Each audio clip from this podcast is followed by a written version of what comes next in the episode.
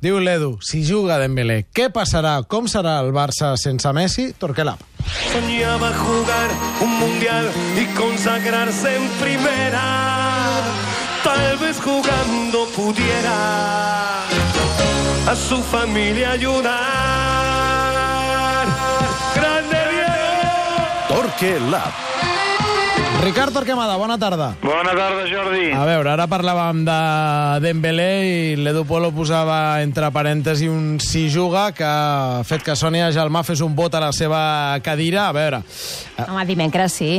exacte, a veure com evoluciona la situació i com evoluciona l'estat neuronal del francès, però en principi, de cara al primer assalt, el de dimecres contra l'Inter, no hauria de ser... Vaja, no hauríem de veure res molt diferent del que va passar dissabte quan es va lesionar Messi, no? Home, a mi em sorprendria molt que Dembélé no fos a l'11 titular. La sensació és que eh, l'última oportunitat com a mínim la tindrà. Una altra cosa és com, com respongui.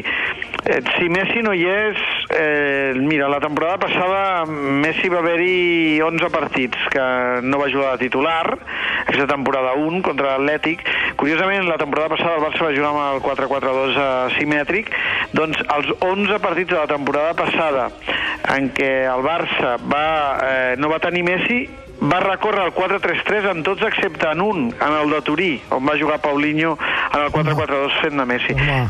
És a dir, Quin- que, si, que si el Barça, quan va utilitzar el 4-4-2, i no hi era Messi, rescatava el 4-3-3, aquesta temporada que ha començat amb el 4-3-3, si no hi és Messi, el més lògic és que mantingui el, el 4-3-3, i si el manté, també és bastant evident que Dembélé està per davant de Malcom ara mateix, que són els dos eh, jugadors que han de disputar la plaça de tercer davanter. Clar, què passa? Que, que és evident, això ho veu tothom, que els perfils de Dembélé i de Messi no tenen res a veure i que, per tant, un 4-3-3 amb Messi o un 4-3-3 amb Dembélé no tenen res a veure, perquè Messi és aquesta frontissa que ara és tercer davanter i ara és, eh, és quart migcampista. Clar, això, si tingués galons eh, i personalitat, que no, no ho dubto, simplement eh, vull veure-ho, aquest rol l'hauria d'assumir Coutinho.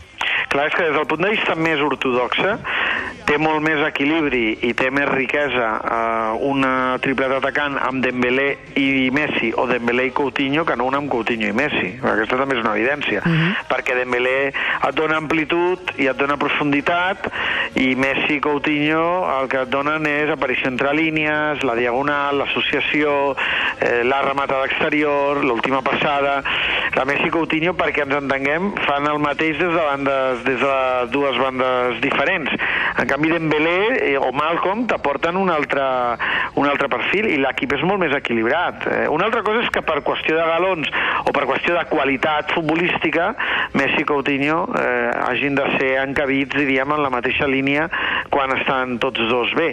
Però si tu dibuixes una, un paisatge ideal en la davantera, eh, Dembélé i Malcolm són jugadors que complementen molt millor Coutinho i Messi. És a dir, que Coutinho hauria de, de, de fer de Messi i que, per tant, hauria d'assumir aquesta responsabilitat que dius tu d'aparèixer entre línies, de frenar, d'accelerar, de desequilibrar, de participar molt més del que ho fa, és a dir, d'assumir la responsabilitat de ser el jugador referència, el connector en atac, i Dembélé hauria de fer el mateix que ha fet aquest inici de temporada quan jugava a Messi, donar profunditat i amplitud a la banda que li toqui ocupar, en aquest cas la dreta, perquè Coutinho tingui el perfil fort cap a dintre. És a dir, que el llistó d'exigència amb l'absència de Messi l'hem de, li hem de pujar a Coutinho, ara que som tots molt crítics amb la mirada cap a Dembélé, qui ha de fer el pas endavant és Coutinho. Per Eh? mi, sense cap mena de dubte, i amb En el capítol d'avui de Defensem Dembélé, tirem-li la merda a Coutinho. No, no, O sigui- direm-li la merda, no. El que vull dir és, ara és, ara és el moment de Coutinho. Clar, no el, moment, el moment de Dembélé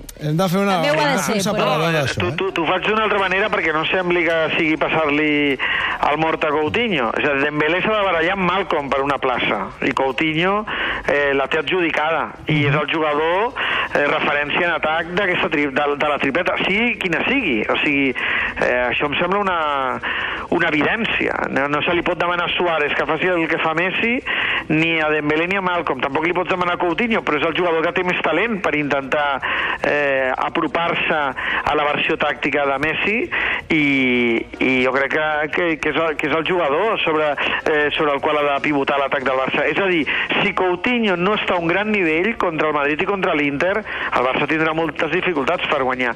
Si Dembélé no està a gran nivell, l'única cosa que pot passar és que perdi la seva plaça i que l'ocupi un altre. Eh, mira, en aquest sentit, i deixa'm que m'avanci ja al clàssic, fent la previsió que contra l'Inter Dembélé no fes un bon partit i caigués de l'11, apostaríeu perquè Valverde posarà Malcolm o canviarà el sistema al 4-4-2? Contra el Madrid, dius? Sí, contra el Madrid. Jo crec que Malcolm és possible que tingui minuts contra l'Inter, vaja, és molt probable, i que Valverde pugui veure un altre jugador. Jo crec que ho faci bé Dembélé o no ho faci bé Dembélé, no té Dembélé la plaça assegurada contra el Madrid. Aquesta és una intervenció de l'entrenador que no s'hauria de plantejar si estigués Messi i que s'ha de plantejar obligatòriament no, no tenint l'argentí. És a dir, el partit contra el Madrid és un partit molt específic, contra un equip que et vindrà a buscar dalt i que se sent còmode amb la pilota, no és el Madrid un Madrid eh, pacient que esperi, sinó és un Madrid que vol ser protagonista i el partit té un altre, un altre dibuix i aquí és on ha de prendre una decisió Valverde que no sigui no només una qüestió tàctica, sinó, només, sinó una qüestió de quins jugadors estan en millor forma per jugar. Si Dembélé i Malcolm no estan a un nivell altíssim contra el Madrid, haurà de buscar una altra solució i aquesta solució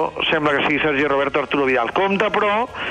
A Arturo Vidal ara el tenim una miqueta aparcat, eh? Sí, però compta, però, a barrejar Semedo i Sergi Roberto en el mateix equip. Sisplau. Perquè, perquè la memòria de Roma és allargada i poderosa i Valverde segur que també té aquest factor en compte. Eh, és una opció tàctica que no sé si, té, si, si és una bona, una bona lectura intentar-la cremar dues vegades. Eh? No sé si està prou sucarrimada o si encara té vida, però clar, en un partit tan exigent mmm, podria ser definitiu per la idea de jugar mal com Sergio Roberto i Semedo, tot i que fos de manera injusta, però ja sabem que es pengen etiquetes i queden alguns records que...